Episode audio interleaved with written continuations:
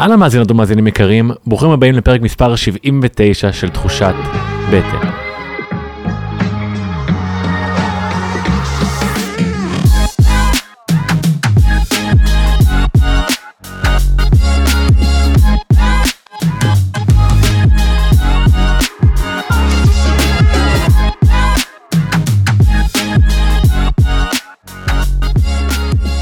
שבוע טוב אהובות ואהובים, מקווה שהפרק הזה מוצא אתכם בתחושה פיזית ורגשית טובה. אם אתם חדשים כאן, תחושת בטן היא תוכנית שמייצרת שיח אלטרנטיבי אותנטי וללא אג'נדות, שבא לעשות קצת סדר בכל מה שקשור לבריאות ולאורך החיים שלנו. אני מתן חכים, יוצר תוכן מנחה מחבר הספר חוקי בטן. בשנים האחרונות אני חוקר את הקשר בין הבחירות, האמונות ואורך החיים שלנו לבריאות שלנו, אם היא הפיזית או הרגשית.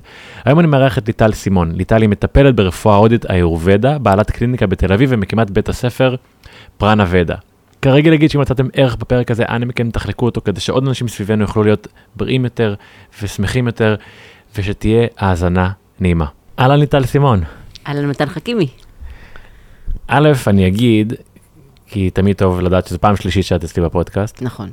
ואיכשהו עם זה שעשיתי מספר פרקים, גם איתך וגם עם אנשים אחרים שנגעו הרבה מאוד בתזונה, אני כל הזמן שומע עוד ועוד מאנשים איזשהו חוסר בהירות על איך לאכול, מה לאכול, כמה לאכול, מה בריא, מה לא בריא. אז חשבתי שזו הזדמנות אה, טובה לדבר על הנושא הזה, והסיבה שאני רוצה לדבר על, עליה איתך, אני תכף אספר על מה שקרה לנו אתמול, אבל זה שיש משהו באיורבדה, שמציע משהו, אני חושב, שפחות או יותר אף, אה, אף ז'אנר לא מציע, זה שבאמת התייחסות מאוד כלפי הבן אדם. ו- ודרך דברים מאוד מאוד ספציפיים, כאילו סוג הבן אדם מתאים לו תזונה כזאת או תזונה אחרת. כן, שזה- לגמרי, לגמרי. אנחנו מדברים תמיד על תזונה אינדיבידואלית, זאת אומרת, תמיד אנחנו מכוונים את זה פר בן אדם. זה מאוד מדויק, זאת אומרת, זה ממש... אה, כאילו, אנשים לפעמים חושבים שזה משהו קצת כזה, אני מחלקת את זה לשלושה טיפוסים, אז יש אה, שלוש תזונות וזהו, ונגמר הסיפור, אבל זה ממש לא, כי זה ממש, כל בן אדם אה, מקבל תזונה מאוד מאוד שונה. זה מפליא לפעמים, אפילו ברמה הזאת, אז אה, נכון. כן חשוב. אני רק אגיד שכאילו בתור בן אדם שחקר הרבה תזונה, אז, אז נגיד כשאת אמרת לי מה אני צריך לאכול, אז זה היה ממש מעניין לשמוע, כי זה באמת הדברים שזיהיתי שעושים לי הכי טוב. כן, הרבה כיף. פעמים זה קורה, שאנשים אה, פתאום, מגיע, כאילו ש... כשפתאום מגיעים אליי ויש איזושהי אה, הבנה או תובנות ככה שאנשים כבר קלטו, ואומרים לי, כן, הבנתי נגיד שסלט לא טוב לי, ואני אומרת, נכון מאוד, סלט ממש לא טוב לך, הוא אומר לי, אה, מאיפה את יודעת? ואני אומרת להם, לא, זה מבחינתי, זאת אומרת, זה משהו שהייתי אומרת לך בכל מקרה. אז אה, האיורבדה מאוד אה, מדייקת בדברים האלה, ובאמת אני, אני תמיד שמחה שאנשים מגלים בעצמם, אז אה, כן.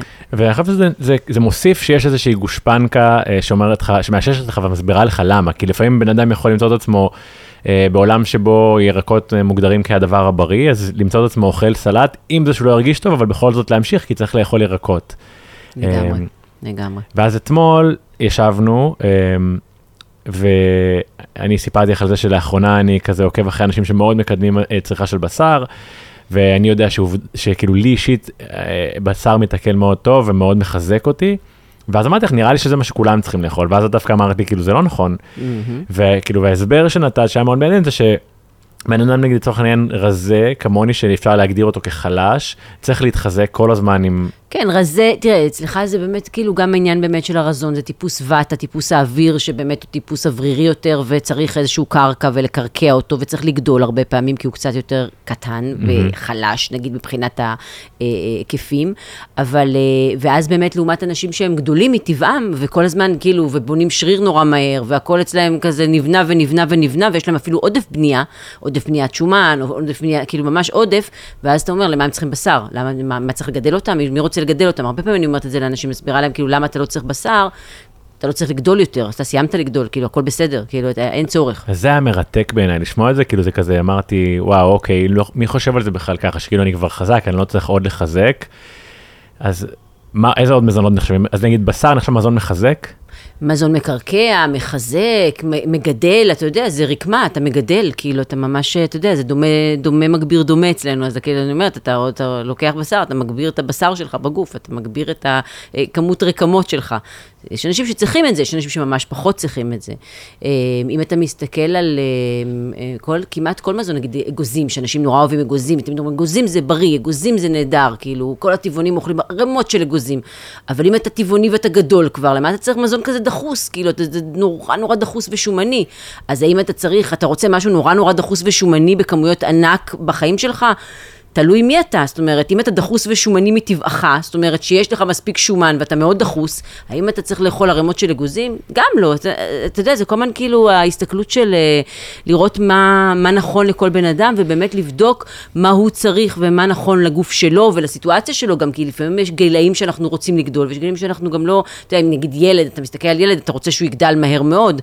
לעומת זאת, בן אדם מבוגר, אתה לא שש לזה שהוא יגדל, ובגיל מסוים אתה מסתכל על אנשים קצת אחרת, כאילו בגילאים המבוגרים. אז כל אחד... אני רוצה, אנחנו נדבר ראשון על הטיפוסים, אבל אמרת, אה, כאילו שאני טיפוס כביכול אה, אוורירי, אוורירי, ואני כן. צריך משהו מקרקע, שזה הבשר. נכון. אני חושב ששווה לי להיתקע על זה רגע, כי אני נגיד בזכות השיח הזה גיליתי על עצמי עוד דברים, כי אם אני, מה הופך אותי לאוורירי? אני בעצם כאילו גבוה ורזה, אז זה כאילו אומר אוורירי, נכון? וה... והתודעה שלך וגם התודעה שלי אוורירית. נכון מאוד אוורירית. מאוד אוורירית. ואז אני שם לב שיש דברים מעבר לתזונה שכאילו מקרקעים אותי, אז נגיד, סתם גיליתי שנגיד, אני אשן יותר טוב בלילה אם נגיד השמיכה תהיה טיפה יותר כבדה. לגמרי. יש את השמיכות. הכבדות האלה, שאתה כן. תראה את השמיכה הכבדה. יש לי, זה היה כבד מדי בשבילי, אבל ניסיתי, אבל, כאילו באמת יש בזה משהו שכאילו ככה מקרקע אותי. מקרקע, בטח. ואז באמת בתזונה אני שם לב, אני אוכל תזונה נגיד מאוד כזה דלה, אז כאילו זה באמת ככה... אה, מעיף אותך. כן. נכון, כי תזונה אוורירית, תראה, אם תסתכל על, אה, אתה יודע, זה נורא פשוט להבין את האלמנטים, כי אוויר, למשל, אם אתה מסתכל על פופקורן, אז ברור לך שהוא אוורירי. אתה מסתכל על פריחיות אורז, זה אוורירי, אתה יודע, כאילו דברים אווריריים, אווריריים, זה מאוד, מאוד פשוט להבין, סלט זה אוורירי, אתה רואה סלט, זה, זה כולו אוויר. ממש גיליתי את זה נגיד, שנגיד אני ממש עושה לי טוב להרים משקולות, שזה כנראה דבר מקרקע. מעולה, כן. ונגיד- לגדל שריר, אתה מגדל, כן. אתה, אתה מגדל את השרירים שלך, זאת אומרת. אתה מאוד מת, מתקרקע, וזה נכון. וכאילו ריצה פחות נכון הרבה לי. פחות. ואז נגיד, אפילו בגלישה, כאילו גיליתי שגלשנים גדולים, שהם יותר איטיים, אוקיי. אני יותר מצ... התודעה שלי יותר עובדת את זה, מאשר גלשנים מאוד מהירים, עם גל מאוד מהיר, אז אני כאילו... אז זה- אתה מ- מרחף לך בתוך הגלים. בדיוק, זה כן. ממש מעניין שאתה מוצא לזה כל מקום, וגם באמת ראיתי דברים שקשורים למערכות יחסים שזה כאילו עובד, או, או יותר בחיבור עם בן אדם שהוא לא אוורירי וכן נכון, אוורירי בעצמו. נכון, נכון, שזה באמת, אני חושבת שזה, ברגע שאתה מבין את עצמך בקטע של היסודות, בעניין הזה, אז אתה יכול נורא בקלות להתאים את כל החיים שלך לזה, וגם אתה מבין, וגם אם לא הכל מתאים, אתה מבין למה זה לא מתאים. זאת אומרת, אתה לא, אתה, אתה פתאום מבין למה, למה אתה נמשך לאנשים מסוימים ואנשים אחרים פחות, ולמה אני בוחר מזונות כאלה ומזונות כאלה פחות. זאת אומרת, מה קרה שבאמת אני, זה מתאים לי וזה לא מתאים לי, ופתאום אתה מבין את עצמך. אני, בעיניי זה גאונות, כאילו, אני תמיד אמרתי, כאילו, זה משהו שאתה פתאום קולט את כל החיים, ואתה אומר, אה, אוקיי, עכשיו הבנתי, למה אני ככה?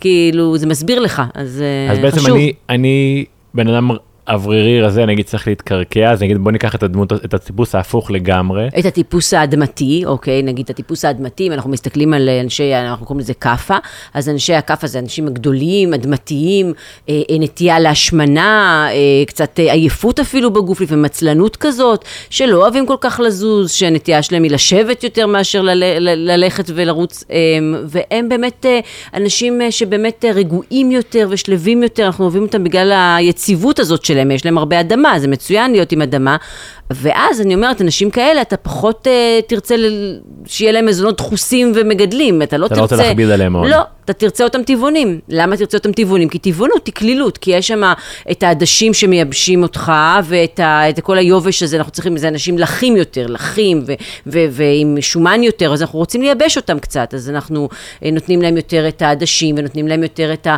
אה, את הדגנים שהם פחות גלוטניים, את כל הקינוע והקוסמת שהם כאלה יבשים מטבעם, קצת יבשושים כאלה, אם תאכל קינוע, אתה מרגיש ישר את היובש שלה. אז כל הדברים האלה, אז אתה אומר, אוקיי, זה מה שמתאים לאנשים כאלה שהם גדולים יותר, ומה יתאים להם מאוד לרוץ? כי הם צריכים תנועה. חסר להם תנועה, הם יושבים, הם לא זזים הרבה, ו- והם צריכים לרוץ, והם צריכים לזוז הרבה. אז זה הקלילות שאנחנו מחפשים אצלם, הם, הם יחפשו את הקלילות, ואתה תחפש את הקצת כבדות הזאת, אוקיי? של משהו יקרקע אותך. בא לי לזרוק על זה מילה רגע, כי אמרת נטייה להשמנה, ואני חושב שפעם אחת אני ואת דיברנו על זה אולי אוף אה, מחוץ להקלטה, שאנחנו בעצם חיים בעולם שיש אה, תמיד רצון להגיע לרזון מסוים, במיוחד אצל, אה, אצל נשים. במיוחד אצל נשים, כן. ואז בעצם מה שאנחנו לומדים מהדבר הזה, בואי בוא שנייה נשים את אולי בצד המילה השמנה, אבל אה, אולי האנשים האלה יהיה להם טיפה מבנה גוף יותר רחב. כן, וזה, ואני יכולה להגיד לך שזה זה מדהים לראות את זה. תראה, לפני כמה שנים הגדירו השמנה כמחלה, שזה אחד הדברים הכי נוראים שעשו ברפואה המערבית בעיניי, אוקיי? זה אחד הדברים היותר קשים, כי זה לקרוא לפלח שלם מהאוכלוסייה חולים, למרות שהם לא חולים. זאת אומרת, הרבה מהם יותר בריאים מאנשים רזים, אבל uh, יש איזה, uh, אתה יודע, מחשבה שהאנשים הרזים הם בריאים יותר, וזה ממש לא מחשבה נכונה. Mm-hmm. נכון שבמערב היום, בגלל שאנשים גדולים יותר נוטים לאכול היום, בגלל, אה, כולם נוטים לאכול יותר קמח לבן, סוכר לבן וזה, אז אצלהם זה מתבטא בצורה יותר זה, ואז יש סכרת ולחץ דם ואת כל התסמונת המטבולית הזאת שאנחנו בטח לא רוצים. אבל המקום הזה של אנשים גדולים יותר הוא מקום אה, בריא.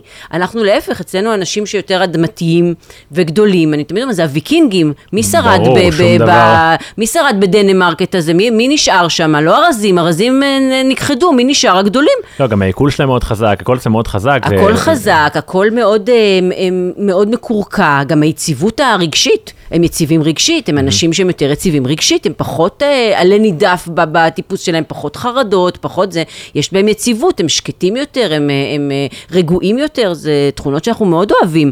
ואז זה כאילו בא במין איזה בלאגן שכאילו כל אישה רוצה להיראות בצורה מסוימת, וזה נשים בעיקר, כי גברים די מקבלים את עצמם, הרבה פעמים גברים גדולים אומרים לי, אני, יש נשים שאוהבות גדולים, הם יותר רגועים עם זה, אבל נשים יעשו הכל, הכל בשביל להרזות, ואישה כזאת שהיא אדמתית, היא מידה 44, זה הרזה שלה.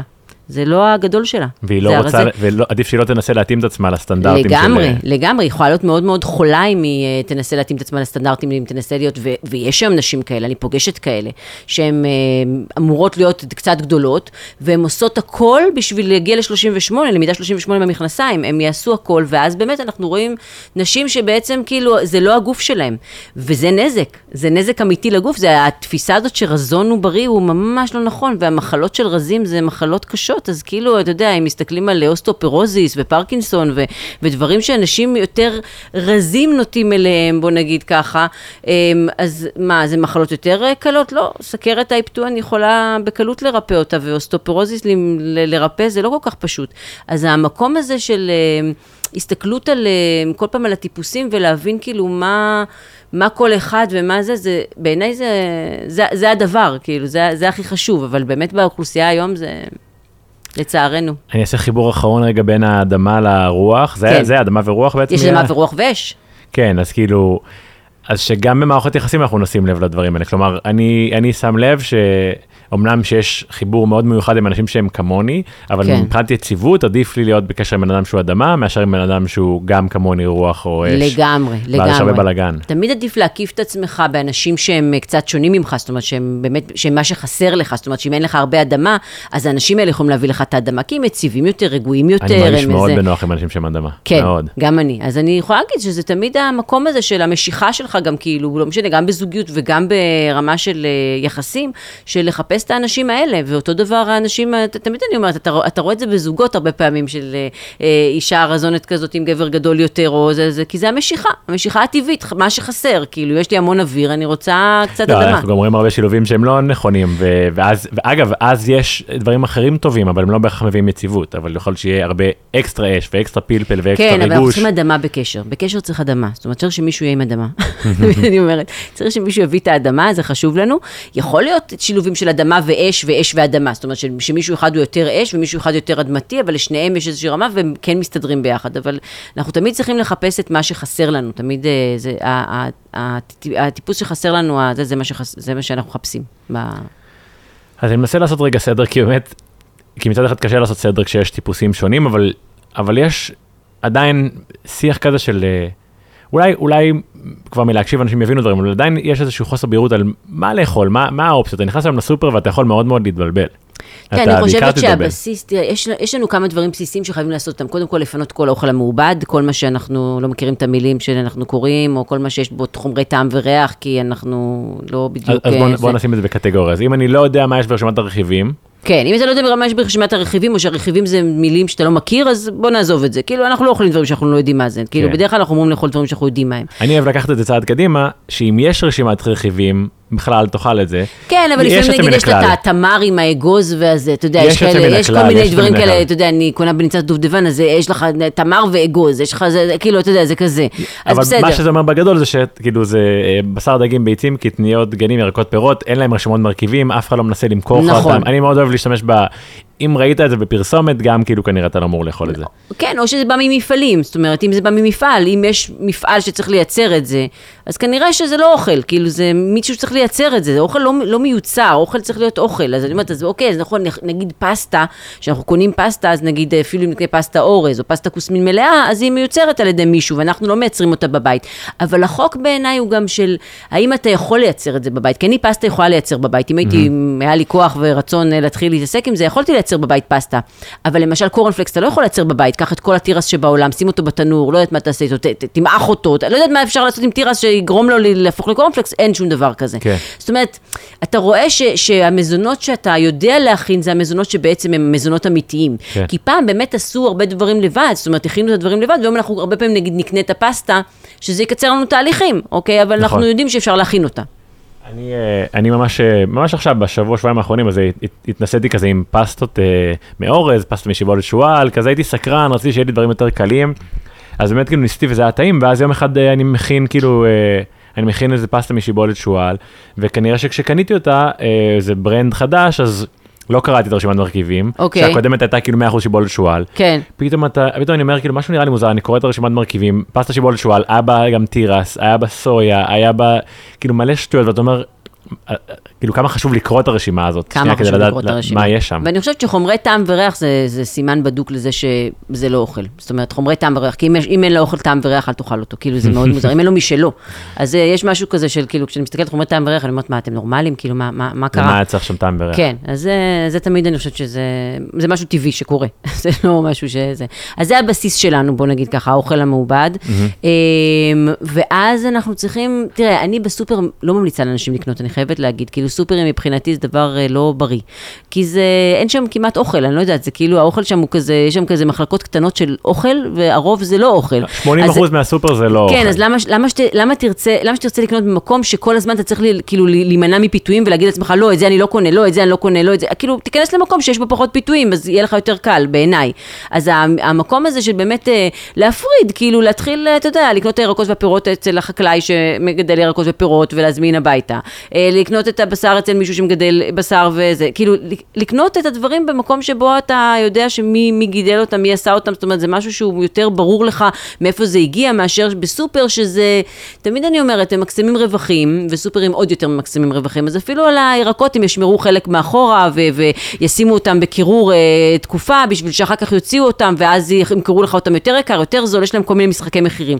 מי רוצה את זה? כאילו, אני רוצה שהירקות שלי יהיו מה, מה, מה, מהיום, כאילו, בוא נגיד ככה, שכתבו אותם היום לפחות, משהו ספק, בכיוון. לא, אני חושב שיש דבר אחד שאנשים אה, אולי אה, מתקשים להבין, אני חושב שאין בן אדם שיודע באמת לעמוד מול פיתויים, השאלה אם אתה שם אותם מול הפנים שלך או לא. נכון. אז נגיד, אני כאילו הולך, או שאני קונה בחנויות טבע, או בשוק, או שאני מזמין אונליין. כן, גם אני ככה. אבל, אה, אבל כאילו אם אני אכנס למקום כזה, אז כאילו, אז, אז הלך עליי, וגם בבית, אני, אני לא אביא הביתה, כאילו אם יהיה לי, אם יהיה לי גלידה במקפיא או ארון ממתקים, אם זה, אז מתישהו יהיה הרגע של החולשה שאני אוכל את זה, אז אני פשוט לא מביא את זה בכלל, ואז... כן, אני יכולה להגיד לך בתור אימא לילדים, שבכל זאת ילדים, אה, הבן שלי יורד עליי על זה הרבה על זה, שאין לנו ממתקים בבית, אבל אני אומרת לו, תראה, אם אתה רוצה ממתק, אין לי בעיה שהבן שלי ייקח כסף וילך לקנות ממתק, זאת אומרת, אני כן אה, מפרגנת בקטע הזה, למרות שזה לא החלום שלי שהוא יאכל דברים כאלה, כי אני אומרת, אוקיי, אני לא רוצה ליצור חסך, אבל אני יכולה להגיד שלמה שזה יהיה, למה שזה יהיה נגיש כל כך, למה שזה יהיה משהו שאתה פותח את המקרר וזה קופץ לך לעין, כאילו, למה שזה... כי המוח שלך ישר ירצה ללכת לשם. ברור, וזה גם יהיה לך נורא קל, כאילו, אם זה נגיש וקל, אז כשאתה צריך ללכת ולקחת כסף ולקנות ולראות כמה זה זה, וכאילו, אתה... אתה כבר חושב כמה פעמים, אתה אומר לעצמך, כדאי לי, לא כדאי לי, אני ארד למטה, אני לא ארד למטה. יש משהו בזה שהוא טיפה יותר, אה, לוקח זמן, בוא נגיד ככה, אז אני מעדיפה את זה תמיד, תמיד אני אעדיף ש, שלא יהיה בבית, כאילו שזה לא יהיה בבית, וגם בסופרים אני אעדיף לא לראות את זה. כאילו, אני אעדיף לא להיכנס לסופר שאני צריכה כל הזמן להסתכל ולהגיד, אה, וואי, זה לא, לא אוכל שאני, גם זה לא אוכל שאני, גם זה לא אוכל שאני אוכלת. למה אנחנו צריכים את זה? ממש. אז uh, אני חושבת שזה גם כן איזשהו כלל מאוד ברור.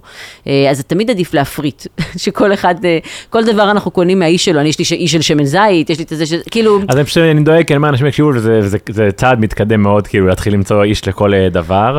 כן, אבל אני חושבת. שהיום, דווקא בגלל הקורונה ומה שקרה בקורונה, ושכן הלכנו על כל מיני חקלאים וכל מיני זה, ופתאום אנשים כן כאילו קיבלו איזשהו מין זה, שאתה יודע, כל הזמן היה כזה פרסומות כזה של תעזור לזה, הם נתקעו עם דבש. דבש, אז קנו דבש, והיו, אז, כאילו, פתאום נכון. כן הכרנו את היצרנים, ואז אה, כאילו זה פתח את הפתח לדבר הזה, אז אם לקחנו משהו, אתה יודע, טוב מקורונה, אז זה יכול להיות הכיוון הזה של כאילו להסתכל על אנשים ולראות כאילו מה, איך אנחנו יכולים גם לחתוך את כל העלויות. אה, כן, ברמה החברתית של להסתכל ולהכיר את האנשים שאנחנו קונים מהם, יש בזה משהו מרגש בעיניי, אני אני, מסכים, מאוד אוהבת משמעית. את זה. אז נכון שלא צריך הכל, אבל כל דבר שאתם מכניסים זה כבר התחלה טובה, זה כאילו, זה לא חייב להיות הכל, אבל כל דבר שמכניסים זה יופי, התחלה. אתמול דיברנו על זה שיכול להיות בגלל שקשה לעשות אה, שינויים לפעמים, אז לפעמים עדיף שהפוקוס יהיה על מה אני מוסיף עכשיו מאשר מה אני מוריד. תמיד. כלומר, זה אחלה דרך להתחיל לעשות שינוי, כי אם אתה אומר, "וואי, איך אני אוותר על זה עכשיו, אבל לפעמים כשאתה מתחיל להוסיף טוב ואתה מתרגל לטוב, גם לא נשאר מקום לרע, אני אומרת, נגיד אם אתה מתחיל להגיד, אוקיי, אני אוכל ירקות מבושלים כל יום, או אני אוכל אה, אה, כאילו דגנים אה, מלאים כל יום, אז אתה מכניס את הדגנים המלאים, אז הדגנים הפחות איזה נעלמים לך, כי אין להם מקום, כי מה, כמה תאכל, גם דגן מלא, גם דגן לא מלא, אתה, כאילו כל פעם שאתה מכניס משהו, אז הדברים האחרים נושרים, כאילו די בקלות, אבל אם אתה לא מכניס, הרבה פעמים אנשים אומרים, מה לא. כאילו, הם מקבלים את התזונה שלהם נגיד, או שהם הם, הם מקבלים איזושהי תזונה ואומרים, טוב, אז זה אסור לי, וזה אסור לי, וזה אסור לי, והתחושה היא כאילו ייאוש, כי כאילו, מה נשאר לי לאכול? עכשיו, זה לא מה נשאר לך לאכול, זה כאילו, עכשיו תכניס מזונות שכן. זאת אומרת, תבדוק קודם כל מה אתה מכניס לפני מה אתה מוציא.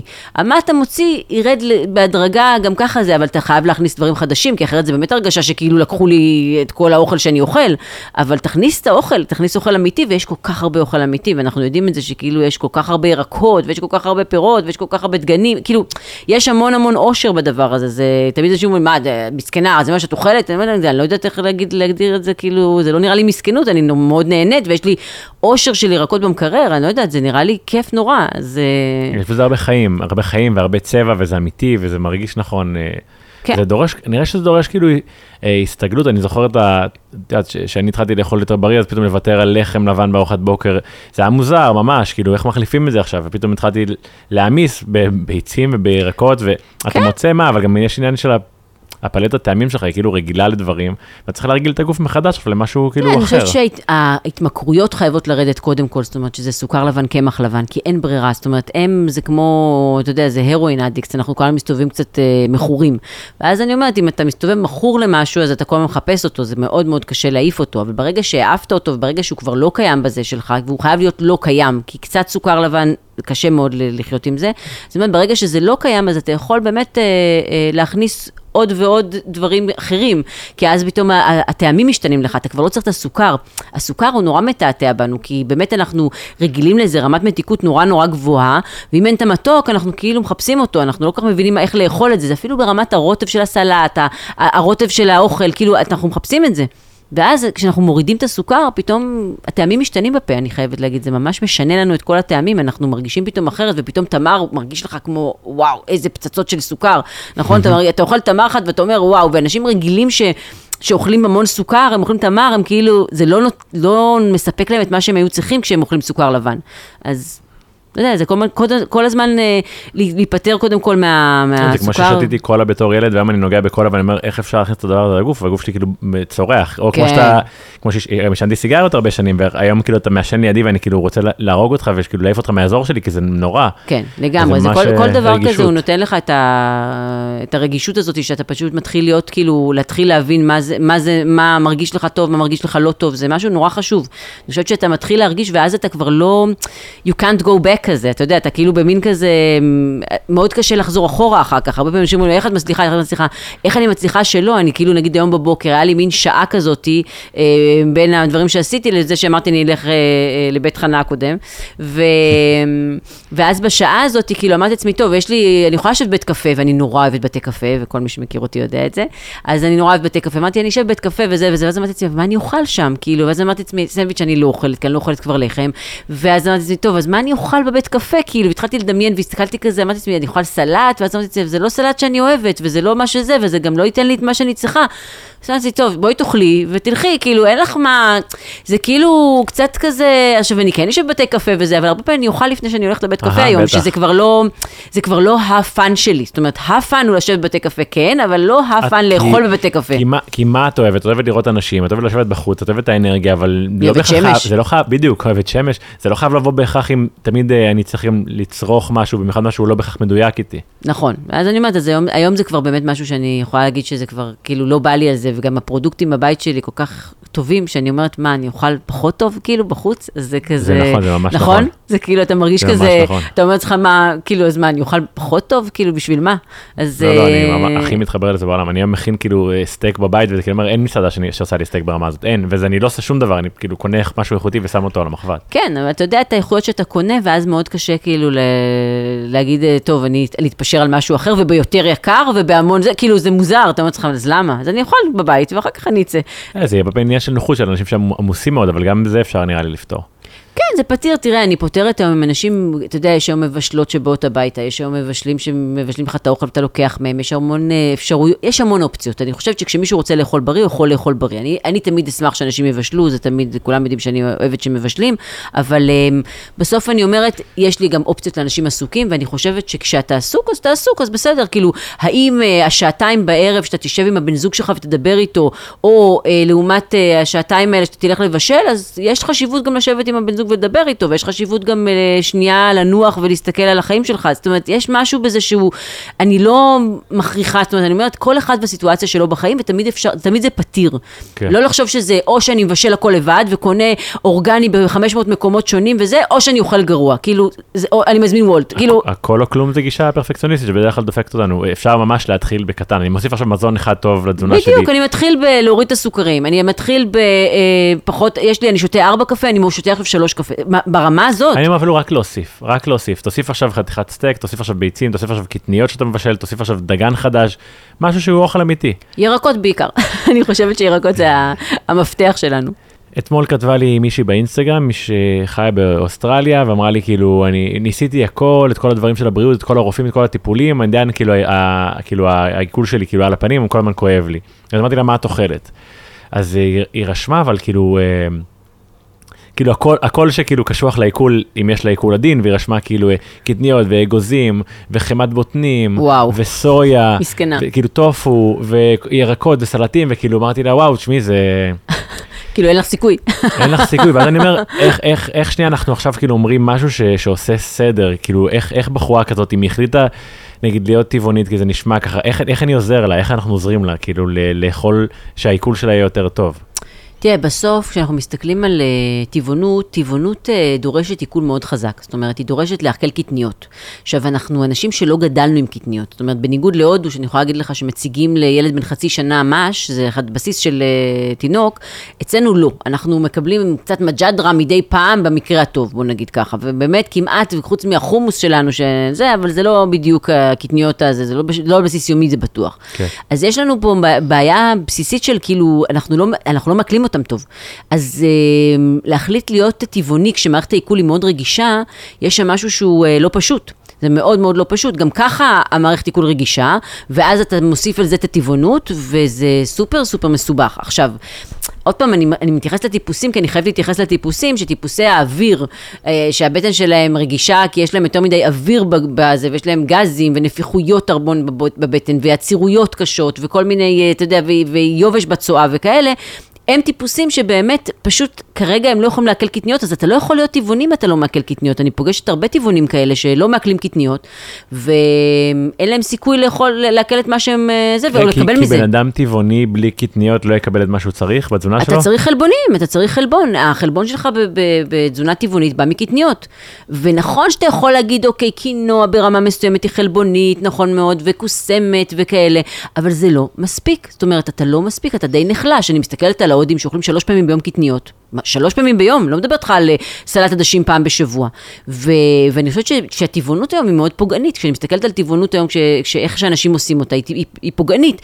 אז יש אנשים שזה מדהים להם, טיפוסי הכף, האדמה ומים, שהם גם ככה אה, גדולים, והם זה, והם רק תן להם משהו שייבש אותם, אז הם, נגיד, אני מעבירה אותם לקטניות, הם מרגישים מדהים, זה כאילו, איך, איך עשית את זה?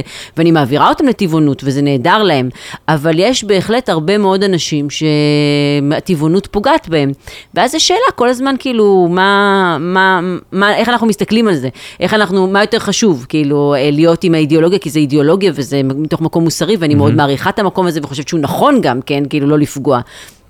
אבל בסוף אם אתה פוגע בעצמך, איפה זה מעמיד אותך? כאילו, בסוף יש לך גם את הפגיעה בעצמך, שהיא גם משמעותית. כן. אז צריך, צריך להסתכל על זה, כאילו, על, על המקום הזה של אה, אה, טבעונות מול זה, ובאמת יש לי הרבה עליהום על, על הנושא הזה בחיים שלי, כי יש פשוט, הבעיה היא שכאילו הגענו לעולם הזה עם איזושהי חוסר בהירות לחשיבות של תזונה, כאילו להיות בריא. ואז בסוף קורה בן- מצב שבן אדם נגיד מחליט עכשיו להיות, אפילו לא קשור לטבעוני, מחליט לי שהתזונה שלו תהיה מבוססת על על קמח לבן, כי זה מה שקורה בדרך כלל, פסטה, סנדוויצ'ים, מאפים, אה, אה, איך אומרים? את זה? פתיתים, ואז אתה כאילו לא, לא מכניס לגוף שלך לא בשר, לא דגים, לא קטניות, לא הרבה ירקות, ואז אתה כאילו נחלש אוטומטית. כן, אז זה בכלל מצב של חולשה, כי אתה אוכל בעצם רק כלום, אתה אוכל... אני רק רוצה להגיד שרוב הרפואות שהן לא המערביות, כלומר אה, היורבדה, סינית, אה, יפנית, אה, לא יודע מה עוד יש, בדרך כלל מרפאים ועושים את כל העבודה דרך תזונה. תראה, התזונה היא דבר מרכזי בחיים שלנו, זאת אומרת, זה משהו כן, שהוא כן מאוד... ולא. כן, היום לפי הרפואה המערבית, היא לא. כן, הרפואה המערבית הצליחה להפריד אותנו מכל מיני, כאילו, היא מפרידה אותנו מהגוף שלנו, היא מין כזה, כאילו, מדמיינת שיש איזו שליטה אה, חיצונית על הגוף, שיש איזה רופא שהוא יודע משהו על הגוף שלך שאתה לא יודע, והוא ירפא אותך בעזרת תרופות, שזה סופר ווירד, כאילו, זה מאוד מאוד משונה להחליט שמישהו ירפא אותך בעזרת תרופות, כאילו, מה, למה? כאילו, למה לא בעזרת אורח חיים ותזונה, או למנוע מחלות? למה לא להתעסק בדברים כאלה? כאילו, זה קצת מוזר הדבר הזה. עכשיו, בתור רפואת חירום, בגלל היתרון הגדול שלה בלהציל אנשים במצבים קריטיים, שאני מורידה בפניהם את הכובע, ואין לי מילה להגיד על זה, ואני לא יכולה לטפל בדברים כאלה, אז יצאה לזה שם של באמת אה, וואו, כאילו, כי באמת מי יכול להחיות מישהו עם התקף לב? לא אני, אה, רק רופא מערבי, ומי יכול לנתח אנשים, ומי, כאילו, יצא לזה שם שהוא באמת אה, מדהים, כי, כי הם הצליחו, הצליחו להציל חיי אדם. רפואת חירום היא מדהימה. כן, אז אני. אומרת, אז רפואה מערבית יש לה באמת יתרון גדול של להצליח להציל חיי אדם ולהצליח להאריך חיי אדם, שהיא באמת מרגש. אבל בסוף, כשמסתכלים על הדברים היום ש, שקרו מזה, שהלכנו יותר מדי לכיוון, אני חושבת שזה היה צריך להיות שילוב. זאת אומרת, הרי הרפואה המערבית התחילה אחרי הרפואה המסורתית. הרפואה המסורתית הייתה קיימת אלפי שנים, ואז הגיעה הרפואה המערבית. ובמקום לקחת את הידע של הרפואה המסורתית ולהגיד, אוקיי, יש פה ידע אמיתי מדהים, בוא נשתמש בו, ועל זה נבנה את כל התוכניות שלנו של חירום ושל הארכת תוחלת החיים ושל אנטיביוטיקה ושל להציל אנשים וזה, בואו נשלב את זה, הם מחקו את כל מה שהיה, אמרו זה שטויות, זה, זה סבתא, זה זה זה זה, וכל המדעי היום שהוא לא מדעי, כל הקונספט המדעי הזה שלא כל כך מדעי, ואז יצא, יצר מצב שזה בעצם אנשים, הם, הם, הם עברו למשהו אחר, וכאילו שכחו את כל מה שהיה קודם, וכל הידע הזה של העתיק של השנים פשוט נמחק.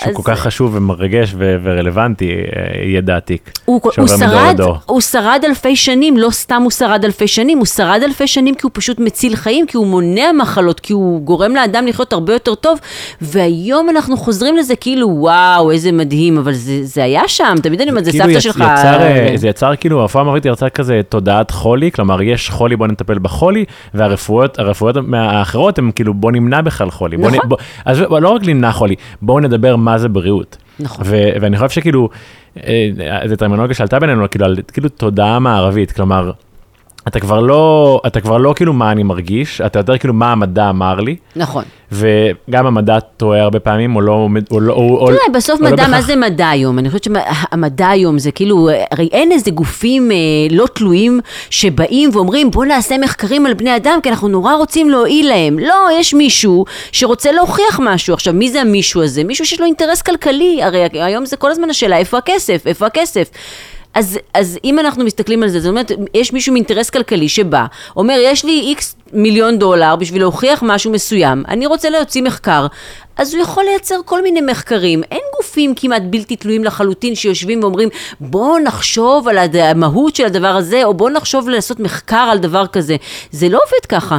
והיום זה באמת, רוב המחקרים, אני מסתכלת עליהם הרבה מחקרים, או שהם בכלל לא טובים, כאילו שכשמישהו בא ובאמת, אני יושבת לפעמים עם אה, פרופסורים, אנשים שמבינים במחקר, אומרים לי, זה מחקר לא טוב. וזה אני אפילו לא יודעת להגיד, אבל הם מסתכלים על המחקר, אומרים לי, תקשיבי, את יכולה לקחת הרי קבוצה לא נכונה, ואת יכולה לשאול את השאלות הלא נכונות, את יכולה לקחת את הקבוצת ביקורת הלא נכונה, ובסוף המחקר הזה הוא בכלל שקרי.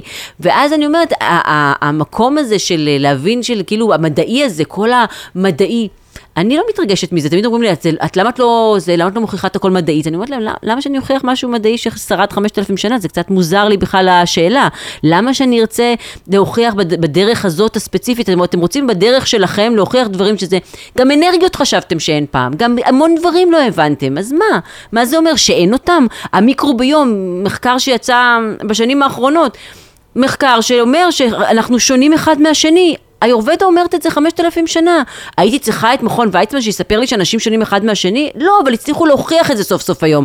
אז מה זה אומר שכל השנים לא היינו שונים אחד מהשני? אבל מי שהלך עם זה וידע שאנחנו שונים, אתה יודע, הלך עם רפואה כזאת, ומי שלא הלך עם הגנרי הזה של התודעה המערבית, שאמר, אה, אוקיי, כולנו אותו דבר, תזונה, יש אותה לנו תרופה, את הזה, אותו- אותה תזונה, אנחנו יושבים באיזה טבלאות BMI כאלה מוזרות, שבהם אנחנו או רזים מדי, או שמנים מדי, או שאנחנו בסדר, או שאנחנו לא בסדר, כמה זה, כאילו, איך יכולנו בכלל להאמין בזה? ולאט לאט, אתה יודע, אז בסדר, אז יוכיחו את זה מתישהו, אבל האם אנחנו צריכים לחכות לזה? הדוגמה של ה-BMI היא מעולה, על ה- מה שרציתי להגיד על, על התודעה המערבית, שכלומר, איך אני יודע שאני בריא? BMI. אה, מה המחקר אמר על השמש? זה מה שקורה. אה, מה אמורים לאכול? אה, גביע יוגורט, וכאילו, ואז אתה אומר, אוקיי, זה כאילו תודעה מבחוץ פנימה, מה אני שנייה מרגיש? למה אני צריך מחקר שיגיד לי משהו על השמש? אם אני בשמש מרגיש מדהים. אם אחרי שאני בשמש, האנרגיה שלי משתפרת, אני ישן יותר טוב בלילה, החשק המיני שלי עולה, כאילו מה, זה לא נורות אזהרה מטורפות שאמרו לי מדהים, כאילו לא אזהרה, נורות יר- ירוק, כאילו יאללה תלך על זה. לגמרי, לגמרי. כשאני אוכל משהו, בסדר, אמרו לי, ש... אמרו לי שאני צריך לאכול ירקות. אני מעכל אותם טוב או לא? שנייה, זהו, זה, זה הגוף שלי, זה, אני כאילו צריך לשנייה, אני חושב שהמטרה היא כאילו לחזור שנייה. חזרה כאילו למה אני מרגיש, שנייה. נכון. עכשיו, אוקיי, אז יש חולי. אוקיי, מה קורה בחולי? הגוף שלי עייף. מה הפתרון? תנוח. אתה לא יכול עכשיו להוסיף קפה כשאתה חולה, נכון. או לקחת איזה תרופה שתעלים את החולי, כי אתה שנייה הגוף צריך משהו. וכאילו זה כזה דבר שהוא הוא נאבד לנו, ו- ואני מקווה שבעזרת בעזרת, בעזרת, שיחות, שיחות כאלה, נוכל טיפה כאילו אה, להתקרב לדבר הזה. כן, אני חושבת שהרעיון הוא כל הזמן להתחבר לעצמנו וכל הזמן לחזור, ל, לחזור למקורות, לחזור למי שאנחנו, ואני חושבת שכאילו איבדנו את זה, איבדנו את זה עם השנים, וזה, היו כוחות תשמעי, אה, מסחריים ש, שגרמו אבל לזה, כן, זה, אבל- אין מה לעשות. אבל הנה, אה, אמרתי כאילו מחקרים, אתה היום הולך לסופר, אתה רואה איזשהו קורנפלקס, רשום עליו כאילו עשיר בברזל. עכשיו בן אדם אומר לעצמו, לי אין ברזל, זה טוב לי, אבל... אז, אז, אז אגב, בוא נדבר שנייה על מחקר, אז איך עושים מחקר כזה? אז אומרים, אוקיי, אנחנו צריכים להוסיף ברזל לקורנפלקס הזה, בוא נחקור, ניתן לבן אדם הזה את הקורנפלקס חודש שלם, נראה אם הברזל שלו עלה. מה לא חקרו במחקר הזה? האם רמות הסוכר שלו בדם עלו? איך האנרגיה שלו? מה זה עשה לכבד שלו? את זה לא יחקרו, כי רק רוצים להראות את הדבר האחד הזה. כן, זה- ואגב, בגלל זה אני אומר, ב- דיברנו במסחרי אתמול על- אה, דיברנו אתמול על. אה, הצהרות בריאות, זה הצהרת בריאות. אם אתה רואה על מוצר ש- ושמצהירים בגאווה, יש בו משהו, יש בו ויטמין, אם יש בו זה, אל תאכל אותו. נכון, על- על קישול לא אין מדבקה כזאת. בדיוק, לא על קישול, לא על קטניה, לא על פירות, אף אחד לא צריך להגיד לך משהו כזה ש... נכון, נכון, אף אחד לא צריך לספר לך מה יש בתוכו, אתה יודע שיש בתוכו, זאת אה. אומרת, זה כבר התחלה. אגב, ואם נלך לכיוון אחר של מחקרים או, או, או מדע, אז נגיד, זה כזה עלה טיפה בפרק על השמש, וכאילו, אם עכשיו רוצים עכשיו לקחת אנשים ולהוכיח שהשמש לא טובה להם, אז לוקחים עשרה אנשים, שמים אותם בשמש, אומרים, אוקיי, תראה מה קרה לו באור. אבל אף אחד לא בדק מה התזונה של האנשים האלה, כמה הם ישנים בלילה. כאילו, לא, זה, זה נורא קל להראות משהו במחקר כשאתה רוצה להראות אותו. כן, אני חושבת או כש- שבסוף יש אגב, אינטרסים, זה אגב, מאוד לפעמים- קשה, אגב, זה. לפעמים גם בלי אינטרסים, כי אם, אם היום רופא לומד רפואה והוא לא לומד שום דבר על תזונה, אז למה שהוא יחשוב שזה משנה מה, מה, מה הנחקרים אוכלים? כן, תראה, רופאים עד היום אה, לומדים אה, ממוצע של עשר שעות תזונה בכל התואר שלהם, של השבע שנים, שזה הרבה שנים. ואני חושבת שבסופו של דבר באמת זה מוזר, כאילו זה מוזר שרופא גסטרו לא יודע, לא יודע כלום על אוכל. כאילו זה מוזר שרופא גסטרו לא יודע לתת לך תזונה. כאילו מה, מה התפקיד שלו אחרת. אז כאילו יש שם משהו שהוא מאוד אה, רחוק מהגוף, מאוד מאוד לא ברור. ורפואה, אתה יודע, אני אומרת עוד פעם, היא הייתה, אני חושבת שיש לה כבודה במקום המונח ויש הרבה דברים טובים שהם עושים, אבל אה, כל ההפרדה הזאת של האיברים והמחשבה הזאת שכאילו כל איבר פועל בפני עצמו ואני אטפל לך בכבד ומישהו אחר יטפל לך בדרכי השתן וזה יעבוד ביחד, כאילו, איך אפשר בכלל לחשוב ככה? אנחנו גוף אחד, הכל ביחד. את אומרת את זה עכשיו, אני חושב על, על, על שהיו לי את הבעיות בעיכול והלכתי לגסטרו, ואז הגסטרו אומר לך, תלך לתזונאי, כי הוא לא יודע, אתה אומר, אתה, את- כאילו, וואו, עכשיו בדיעבד, אומר, זה מטורף, שכאילו, אם כבר למדת שבע שנים, אז אתה לא אמור להכיר את כל הגוף, את הכל, כאילו, אז בסוף אתה יודע, אתה כאילו רופא גסטרו, אתה, מבחינתה, אם קורה לי עכשיו משהו בעור, אז זה לא רלוונטי לגסטרו, לא. או בכבד זה לא רלוונטי לגסטרו, והתזונה לא רלוונטית, אז...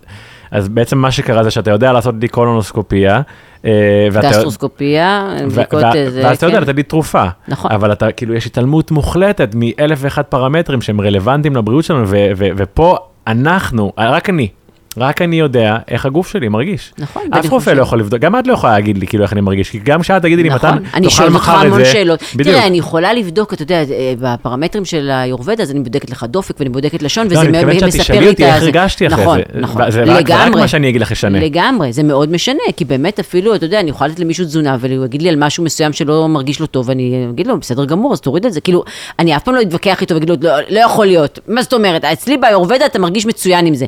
לפעמים באמת אנשים באים עם כל מיני תפיסות תודעתיות, כאילו שהם כבר לא מחוברים לגוף, הם מחוברים לתודעה שלהם. ואז אתה רואה, כאילו, התשובות באות מה, מהתודעה ולא מהפיזי. כאילו, כל מיני אה, בנות כאלה שנורא רוצות לאכול סלט כל היום, ואומרות לי, לא, לא, סלט עושה לי נורא טוב. אני אומרת לה, אבל אחרי סלט הבטן שלך מתנפחת? כן, אז, אז מה, איפה, איפה החלק הטוב?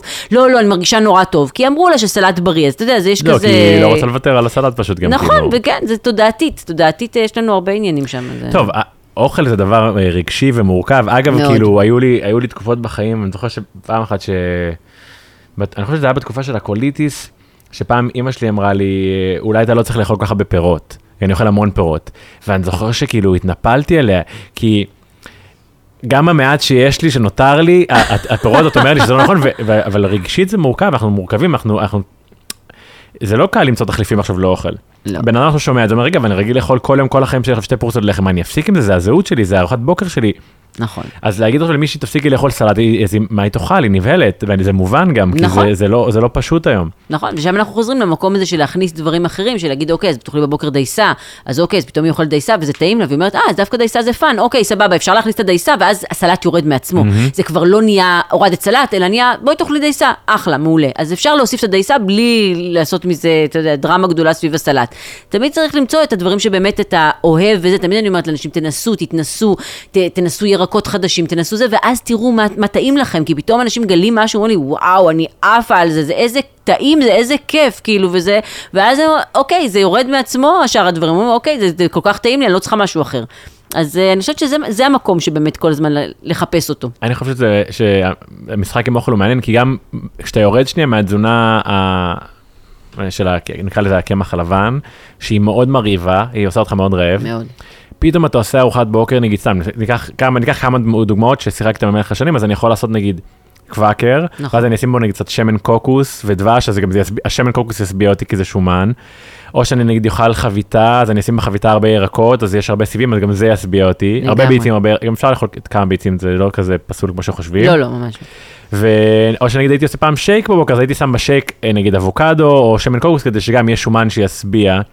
אפשר לשחק עם הדברים האלה ממש, כאילו, ואני מנסה למצוא... אפשר לא- לאכול אוכל רגיל בארוחות בוקר. זה, כן. זה סוד גדול, דרך אגב, שאני אני- מדברת עליו הרבה, שזה כאילו ארוחת בוקר היא ארוחה רגילה לחלוטין. ואפשר לשבת ולאכול אורז בארוחת הבוקר. נכון. זה משהו ממש מדהים, וכל העולם, אסיה אוכלת מרק בארוחת בוקר, מרק עם המון ירוקים בצד, ובהודו אוכלים אוכל בבוקר, זה ממש, אף אחד לא אמור לאכול אה, אה, רק אה, משהו כאילו קורנפלקס, מתוק, כן. או זה, זה כאילו נע בין מתוק ללחם, משהו כזה, משהו מתוק או לחם.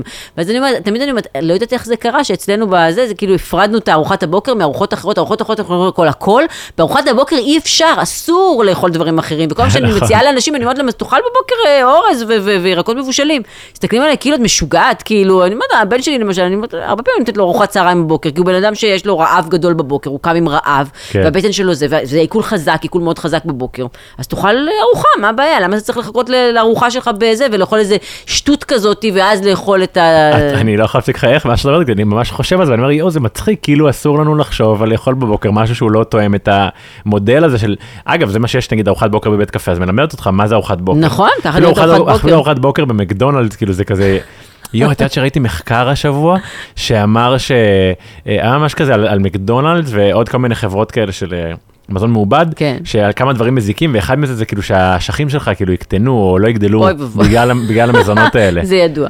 זה, כל, ידוע? זה כל הדברים, תמיד, כאילו, כל דבר שפוגע בך, אתה יכול להגיד שזה באמת פוגע בכל רקמה בגוף, ואז זה- כל הרקמות מתחילות אה, זה, ובמיוחד בשעת, כאילו, כש, כשילדים גדלים, אני אומרת את זה הרבה פעמים לבן המתבגר שלי, שכאילו, שזה פוגע בך בצורה כזאת שאתה אוכל את הג'אנק פוד, או שאתה אוכל דברים כאלה, כאילו, אתה פוגע בעצמך בצורה שהגדילה שלך כולה נפגעת, ואני יודעת על עצמי בתור ילדה שאכלה רק רק רעל בתור ילדה. אז אני זוכרת את עצמי, אני קיבלתי וסת מאוחרת, הכל היה מאוחר מדי, הייתי ילדה חלשה, מתעלפת, כאילו כזאת, ממש חלושס כזאת.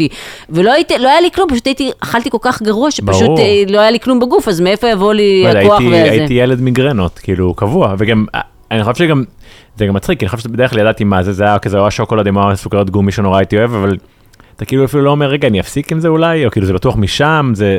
אף אחד לא דיבר איתי על זה, מעולם לא, מעולם לא אמרו לי לשנות את, את הרגלי תזונה שלי בקטע הזה, ואני אגב, אכלתי באמת גרוע. הבלבול, אני חייב להגיד שהוא הוא מוצדק, כי אנחנו אה, חלק מדור שזה חדש לו הכל, כאילו ההורים שלנו היה הדור של הסיגריות זה בריא, נכון. ו- ואז המזון המעובד באמת התחיל לתפוס הרבה במאה השנים האחרונות, אנחנו זה גם אנחנו- היה אנחנו פלא, תראה, הזה. אני גדלתי בזה שמיקרוגל זה פלא. מיקרוגל זה הפלא הבא, זה כאילו, אתה יודע, הפלא השמיני, כאילו פלאי עולם.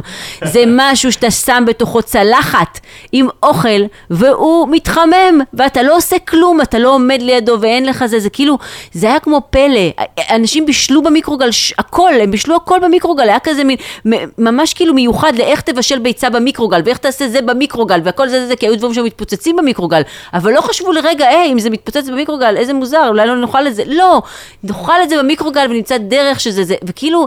זה היה פלא, אז תחשוב איזה, איזה דור זה, כאילו שזה זה הדהים אותם המיקרוגל, הדהים אותם, זה הרי הארוחות המוכנות של שנות החמישים של ארה"ב, כל ה... אה, כאילו, את לא צריכה להכין יותר אוכל, שחרור האישה, זה היה שחרור, זה היה פמיניסטי. את לא צריכה לעמוד כל היום במטבח, את יכולה לקחת את הזה, את העוף הקפוא הזה, לשים אותו בזה, והנה, הוא מוכן, הכל מוכן, זה מדהים. וזה היה התרגשות נורא נורא גדולה, ככה התחיל הבלגן של האוכל, כאילו, בעצם וואו. האוכל המעובד. ומתוך מקום של באמת רצון לשחרר את הנשים מהמטבח, ומתוך רצון של כאילו איזה קלות ואיזה יעילות. ו- ובתור אנשים שכאילו צריכים להיות אפקטיביים, וכאילו המערב נורא מקדש את כל הנושא הזה של אה, כמה שיותר אפקטיבי וכמה שיותר מהיר וכמה שיותר זה, אז זה היה נורא מתאים. כי אמרו, אוקיי, אנחנו צריכים פועלים טובים, אנחנו צריכים אנשים שיעבדו הרבה שעות, הנה, חסכנו להם את הזמן של הבישול. אני חושב שגם בהתחלה של זה לא לא נראה לי שידעו מה היו ההשלכות. כאילו, כמו כלומר, עם הסיגריות, כמו עם הרבה דברים, אתה יודע, כן. אתה רואה, אתה יודע, את הסדרות שאנשים מעשנים בהן בהיריון, נשים מעשנות בהיריון ו- וזה וזה, ואתה רואה, ולא ידעו, פשוט לא ידעו, לא, לא היה מחקר על זה, ולהפך, אה, רופאים המליצו. אז אה, אתה יודע, זה היה כאילו משהו של תחילת הדרך, ולא ידעו, וגם היום לא יודעים, זה מה שמדהים, שגם היום לא יודעים המון דברים ולא מדברים על זה. זאת אומרת, זה כאילו, זה זה, מצחיק, נראה מוזר, כאילו. כי מה שתמיד יישאר זה, זה, אוקיי, את אומרת, רופאים היו המליצו על, על סיגריות כי לא ידעו, אבל לא היה בן אדם בעולם שעישן את הסיגריה הראשונה שלו ולא השתעל, וכאילו עדיין זה לא סממן מבחינתך, ש... וכמו עם תזונה וכל דבר אחר, איך אני מרגיש שזה קורה. נכון. אני חושבת שכל אחד בסיגריה הראשונה שלו כמעט התעלף, כולל אני. זה היה ממש כאילו, אתה יודע, אתה ממש מרגיש סחרחורת ו- ורצון למות, כאילו זה לא, זה לא הרגשה טובה. אבל אה, בסיגריה העשירית אתה כבר פחות אה, מרגיש את זה. זה כאילו, אתה, וגם אתה משכנע את עצמך, כאילו, זה המון שכנוע עצמי, המון כאילו, מה cool, אני זוכרת שאני שתיתי המון אה, דיאט קולה. אז זה כאילו, אתה יודע, זה היה מה, קול. עד היום אה, אינפלואנסריות ב social media מעלות אה, תמונה עם מקדונלדס, כאילו זה נהיה גם קטע מגניב כזה ב, ב, בשנים האחרונות. באמת? כן, כי יש משהו כאילו ב... בסגנון אופנה ביחד עם כאילו ה- ה- הלוגויים של מקדונלדס שזה כאילו נהיה כזה קטע ממש זה ממש מצחיק אני אומר כאילו על, מה נתגעש הרעלתי את עצמך עכשיו כאילו אני לא מבין מה הקטע זה באמת מוזר. אבל טוב יש. לא חסר דברים מוזרים היום. אמ, אני לא יודע אם בא לי להיכנס לזה אבל כאילו יש הרבה מודעות ועם זאת אנשים כאילו עדיין ימשיכו לאכול דברים שכאילו לא עושים להם טוב.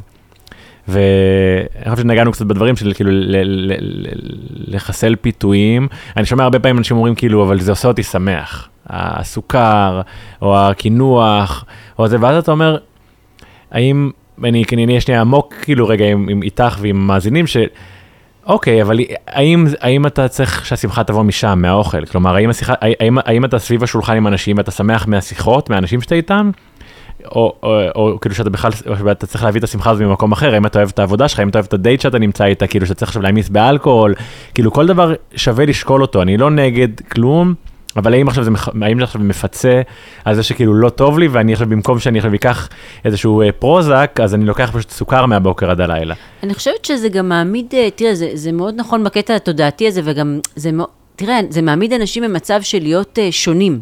זאת אומרת, uh, אחד הדברים שהרבה אנשים אומרים לי, כאילו, אני, אני נהייתי המוזרה. Mm-hmm. כאילו, כי אני באה לארוחות ערב ואני לפעמים מביאה משהו משלי, או שאני מבקשת שיעשו לי משהו אחר, mm-hmm. או אני הולכת לחברים ואני צריכה להגיד, אני לא אוכלת את זה, ואתה נהיה קצת מוזר, זאת אומרת, אתה נהיה the weirdo כזה.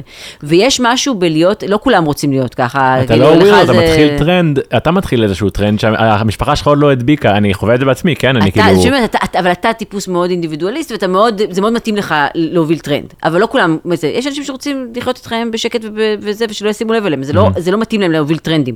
ואז באמת הם כאילו, התחושה הזאת של אני באה ואני כאילו, אני, אני המוזר. ואני יוצר בעיה, ואני יוצר זה, ואני יוצר אי נוחות, ממש יוצר אי נוחות בקרב האנשים שמארחים אותי, או בקרב החברים שאומרים לי, בוא, בוא נצא ונבלה. אז יש שם משהו שהוא, אתה יודע, שצריך לפתור עם עצמך, של באמת לראות מה, מה אתה מביא לשם, וכמה זה חשוב לעומת כמה חשובה הבריאות שלך, או כמה זה משמעותי זה, ולא כל אחד רוצה להתווכח ולריב ול, ול, ול, ולשכנע, בוא נגיד ככה. נכון, אבל כאילו אולי אני טועה בגישה שלי, אבל אני אומר, אני חושב שאנשים צריכים, אה, אה, אני חושב שיש פה הזדמנות לצמוח, גם רגשית, גם תודעתית, גם מול האנשים שאתה נמצא, כי אם, סתם, אתה יודע, אני, אני נגיד לא שותה אלכוהול, ואז אנשים יגידו לי, מה, אבל איך בדייט אני אמור לא לשתות אלכוהול ולשבור את הקרח, ואז אני אומר, אוקיי, אז נגיד עכשיו שברת את הקרח עם האלכוהול כמה פעמים, אבל בסוף של דבר אתה צריך להיות עם הבן אדם הזה, אם אתה רוצה זוגיות או קשר, בלי אלכוהול בסוף, אתה לא תקום בבוקר עם אלכוהול ואתה לא תהיה...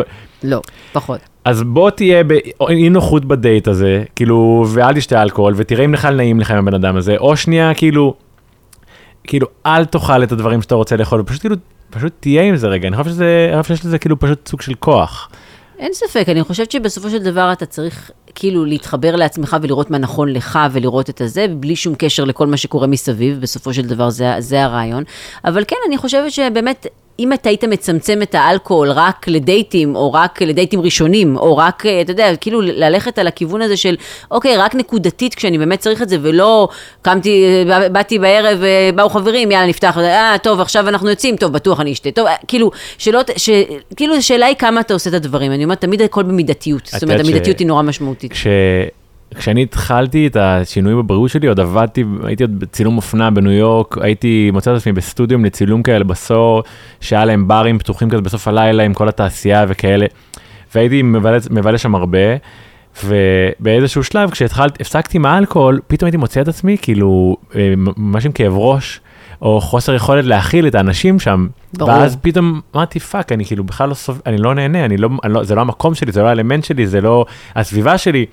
והתחילו, וכאילו דווקא עם ההפסקות האלה התחילו ליפול אסימונים על החיים יותר גדולים, ו, ו, ויכול להיות שכאילו אני מרגיש לא בנוח, יכול להיות שאנשים סביבי לא יודעים להרגיש בנוח עם זה שאני עכשיו אוכל בריא יותר, אולי הם לא האנשים, הם לא, לא, לא בדיוק האנשים כן, שלי. אבל אתה מחליט, נכון, אתה משנה את האנשים גם הרבה פעמים, זה אין ספק ש- שבתוך תהליך של. גדילה, נכון, בתוך תהליך של גדילה אתה הרבה פעמים נפרד מאנשים ו- ומוצא אנשים חדשים, כאילו זה תמיד בתוך תהליך של גדילה קורה, ובאמת אני חושבת שלאט לאט אתה מרגיש יותר נוח עם עצמך, וגם כשאתה רואה כמה זה משמעותי לך, זאת אומרת, הרבה פעמים אני חושבת שאתה לא בטוח בעד כמה זה משמעותי לך וכמה זה משנה לך את החיים, אבל כשאתה מרגיש את זה, וכשאתה פתאום אתה נפטר מאיזה בעיה שהייתה לך שנים, או שפתאום אתה מרגיש הרבה יותר טוב, אתה יותר חיוני, או אתה, הכל משתנה, משתנה לך בגוף, אז אתה אומר, וואלה, זה שווה את זה, זאת אומרת, זה ממש שווה את זה, ואז אנשים דבקים בזה הרבה יותר, נורא קל להם להגיד, אוקיי, זה, אני רוצה את זה, אני לא רוצה עכשיו אה, להתפשר על המקום הזה ולהגיד, אוקיי, בשביל אימא שלי אני אוכל משהו שלא מתאים, כאילו, זה לא, לא, לא הקטע. כן. אז אני חושבת שבאמת, אה, ככל שאתה יותר מתנסה בתזונה בריאה, או בחיים בריאים, ואורח חיים בריא, אז אתה, יותר קל לך לעמוד מאחורי הבחירות שלך ולהגיד, אה, וואלה, זה, זה אני וזהו, כאילו, אני לא, לא מתפשר פה. בא לי להקביל שנייה את כל הדבר הזה רגע, ל- בוא נגיד ליוגה או לספורט, או לחדר כושר. כשבן אדם עכשיו עושה יוגה, בא פעם ראשונה אין לו מושג כאילו כלום, הוא כאילו הכי חסר אונים, ואז לאט לאט הוא פתאום עושה איזושהי תנוחה טובה, יום אחד הוא מגיע לעמידת ראש, וכאילו אומר בואנה השתפרתי, אתה רואה את ההשתפרות, אתה הולך לחדר כושר, פתאום אתה מרים יותר משקל, פתאום יש לך איזה שריר קטן, ואתה, והערך העצמי, הביטחון העצמי שלך עולה עם זה, אתה כאילו אומר וואי התקדמתי בחיים, יש משהו בלהתקדם שממש עושה לך טוב. נכון.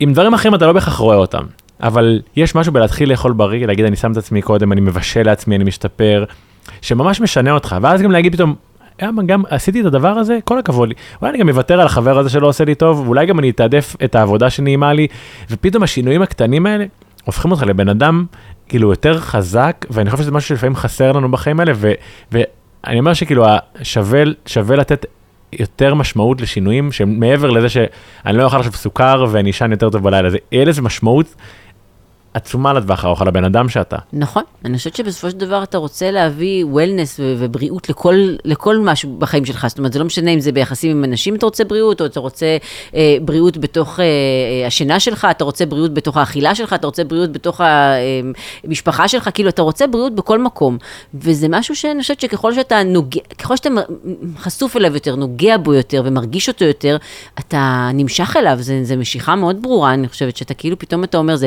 ויש מקומות גם שלא, יש מקומות שאתה אומר, בא לי ממש להזיק לעצמי. ויש מקומות כאלה, mm-hmm. ואפשר לקבל גם את זה. נכון. עכשיו, ככל שאתה יותר בטוב ומעט יותר ברע ובמזיק, אז אתה בסדר. זאת אומרת, אתה יכול, תמיד אני אומרת, 80-20, תעשה 80 אחוז. לגמרי את התזונה, את הזה, את הזה, ו-20 אחוז, אוקיי, תתפרע. תגיד לעצמך שבא לך נורא גלידה ותשב עם ה pint הזה של בן אנד ג'ריס ותאכל אותו, אוקיי, זה החיים שלך, אוקיי. האם אתה מסוגל למחרת לא לאכול את ה pint הזה? Mm-hmm. זאת אומרת, זה מה שקובע בעיניי, אם אתה תעשה את זה או לא. זאת אומרת, אם אתה אוכל צ'יפס ועכשיו ש... חצי שנה לא תאכל צ'יפס, אז זה לא מעניין אותי שתאכל צ'יפס. אבל אם אתה אוכל צ'יפס ולמחרת תאכל עוד איזה ג'אנק פוד, אז יאללה, תשחרר את הצ'יפס הזה. חשוב אבל לזכור שהדברים האלה הם, הם ממכרים. אז כאילו, אתה צריך מאוד מאוד חזק. נכון. אני לא חזק ככה, כאילו להתמודד עכשיו עם, עם, עם התמכרות. ישבתי השבוע עם עמית נויפלד, שיחה מעניינת, והוא... דיברנו על זה שיש אחריות חברתית. לא רק חברתית, אלא אחריות קולקטיבית, כאילו, אה, אפילו ברמת איכות הסביבה, לדאוג לבריאות שלך באיזשהו מקום. נכון. כשאתה דואג לבריאות שלך יש פחות צורך בבתי חולים ובתרופות, כשאתה דואג לבריאות שלך ולא אוכל מזון מעובד אז יש פחות זבל תעשייתי ובכלל זבל בחוץ, אתה, אתה, אתה לא רואה עטיפות של קישו על הרצפה, אתה רואה עטיפות של שוקולדים ומקדונלדים וכאלה, כאילו, אתה תורם לסביבה, אתה, אתה תורם לאקלים, אתה תורם לשותפים שלך בעבודה, כי אתה יותר שמח, אתה יותר רגוע, ישנת יותר טוב, אכלת יותר טוב. הסיכוי שהמערכת היחסים שלך עם הילדים שלך תהיה, תהיה יותר טובה. כלומר, יש באמת, יש הרבה הרבה מעבר להסתכל על זה, אם אני מוותר על סוכר. כן, אני קוראת לזה האדוות, בעצם שכאילו ברגע שאתה כמו, אתה יודע, כמו, ש, כמו שאתה זורק אבן לתוך אה, אה, אה, נהר כזה, שאתה רואה את האדוות, אתה כאילו זורק את האבן למקום אחד, ופתאום יש המון המון המון אדוות לכל הכיוונים, ו, וככה זה עם בריאות, שברגע שאתה מביא משהו כזה, אז פתאום יש כאילו נגיעה לכל מקום בחיים שלך, וזה נורא נורא חשוב בעיניי, זה משהו שאתה חייב אותו, להתחיל מאיפשהו, להתחיל מאיזשהו מקום, באמת בשביל טובת, טובת הכלל. היום אני חושבת שכאילו, כאילו יש מין תחושה שזה לא, אמ, אתה יודע, אנחנו מאיימים על, על משהו, זה לא כאילו, זה לא תחושה כאילו שאתה מסתכל על, ה, אמ, על בתי החולים ועל, ועל קופות, ועל כאילו, על, על ההסתכלות של משרד הבריאות ועל הדברים האלה, אתה אומר, איפה אנחנו כאילו בעצם הם לא, למה הם לא השכילו כאילו, לד, נגיד, לחנך את הילדים לבריאות? למה הם לא משתמשים ברפואה מניעתית? למה הם לא, למה הם לא מלמדים כל ילד איך לחיות, איך זה, אם תקרא ספר, הספר היחידי שראיתי של, של תזונה בילדים קטנים זה ספר מדעים. ובספר מדעים כל מה שכתוב שם זה שקרים, זה ברמה שאני לא הסכמתי שהבן שלי ייבחן על זה כאילו בכיתה ה', כי זה היה פשוט ערימה של שקרים. הכל שקרים, מים קרים יותר טובים לך ממים פושרים, אמ, מה, דינה אכלה אה, שוקו, שתתה שוקו בבוקר, מה דינה קיבלה? חלבון, והיא קיבלה, זה כאילו, דינה קיבלה סכרת, אבל אתה יודע, בסוף אתה מסתכל על זה, אתה אומר, כאילו, אתה מסתכל על הדברים האלה, וזה מה שמלמדים את הדור הזה. אז כאילו, האם, האם באמת כשמסתכל, כשמסתכלים על, אה, אה, אתה יודע, מדינה, זה הייתה צריכה להיות, היא הייתה צריכה להיות עם האינטרסים האלה, שלא יהיו לך אנשים בבתי חולים. והיא הייתה צריכה להיות זאת שדואגת לזה שהאוכל יהיה בריא. אבל זה כל כך לא עובד ככה, זה ברמה שהלחם הלבן מסובסד והלחם המלא לא מסובסד. ברור. ואתה יודע, זה כאילו, יש שם כל כך הרבה אה, סילופים ובעיות. חושב שצריכים להבין שהעולם אה, מובל מכסף. זה, אגב, רפואה טובה, אמיתית, היא חינם. כלומר, שאם אני מגדל לעצמי את הירקות אה, ואת הפירות שלי ואת החי, ו, או אם אני מוצא תרופה מהטבע, או אם אני מקבל את כל הנוטרנטים שאני צריך מהשמש, או משינה טובה, אני בריא, וזה חינם, אף אחד לא יכול להרוויח מזה. נכון, זה, uh, הבעיה, זה הבעיה ברפואה אלטרנטיבית, זאת אומרת, כשאני מסתכלת על מה שאני עושה, מה, מה השאיפה שלי עם המטופלים שלי, זה שהם לא יצטרכו אותי, הם לא יצטרכו אותי לשום דבר, הם יחיו בריא, הם לא יצטרכו צמחים, הם לא יצטרכו זה, התזונה שלהם תספק להם את כל מה שהם צריכים, אני לא מוכרת להם כלום, אני רוצה שהם יהיו אנשים בריאים וזהו, והם לא צריכים, ואז כאילו, מה מכרתי להם? בעצם, כאילו, לאורך זמן, אין לי מודל כלכלי טוב, המודל הכלכלי שלי הוא נכשל, כאילו של, אוקיי, אז מה, אז מה, אז מי ירוויח מזה? אני לא חברת תרופות שאומרת לך, תיקח את התרופה הזאת מהיום ועד הנצח, כאילו, אין לי כזה דבר, להפך, אני נותן לך צמחים במטרה שיבריאו לך את הגוף, ואחר כך לא תצטרך את הצמחים האלה יותר. אם אתה תצטרך את הצמחים כל החיים, אז נכשלתי במה שאני עושה. כן. פה יש בעיה, פה יש בעיה, כי כמודל כלכלי זה מודל לא טוב. ואז כאילו אין מה לעשות שהכסף היום שולט באינטרסים, קשה לנו כאילו להפריד את זה, קשה נכון. מאוד להפריד את זה.